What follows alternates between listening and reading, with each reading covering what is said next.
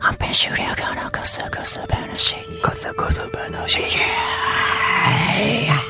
番組の最後は鬼がつくことわざを紹介しますあいや。今回ご紹介するのがこちらあいや。カモン。ガキの断食ガキの断食。はいこれね当たり前のことなのに特別なことをしているように言うという意味ですねああ、そうなんですか。はいまあ見えっ張りみたいなそうやっぱりとかそういうことなの。ガキはまあもともとね、あの、飢えているから、はい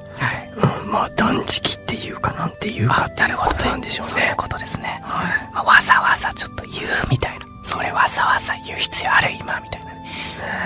まあ、空気読めよみたいなこともね時にはねありますけどなんかちょっと最近なんかやられてることあるんでしたっけ島野さんいやまあ最近はい俺は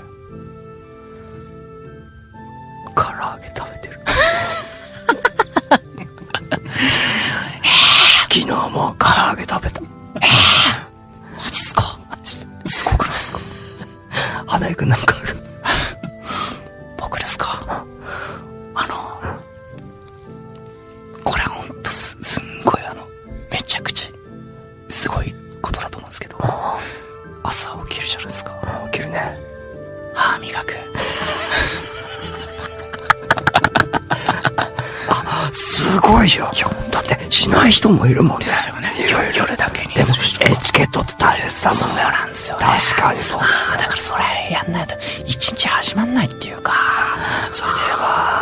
俺なんかマジっすか絶対花井くんとかやってないんじゃないかなえと思うマなジ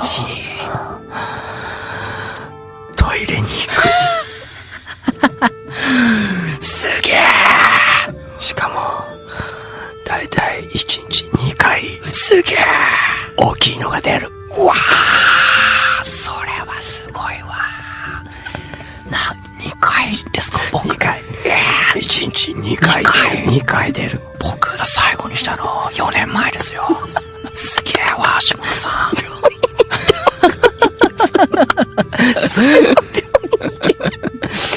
病院行くか。あの、もう、ほんと、食ってないからね。そうっすねそうだ ね。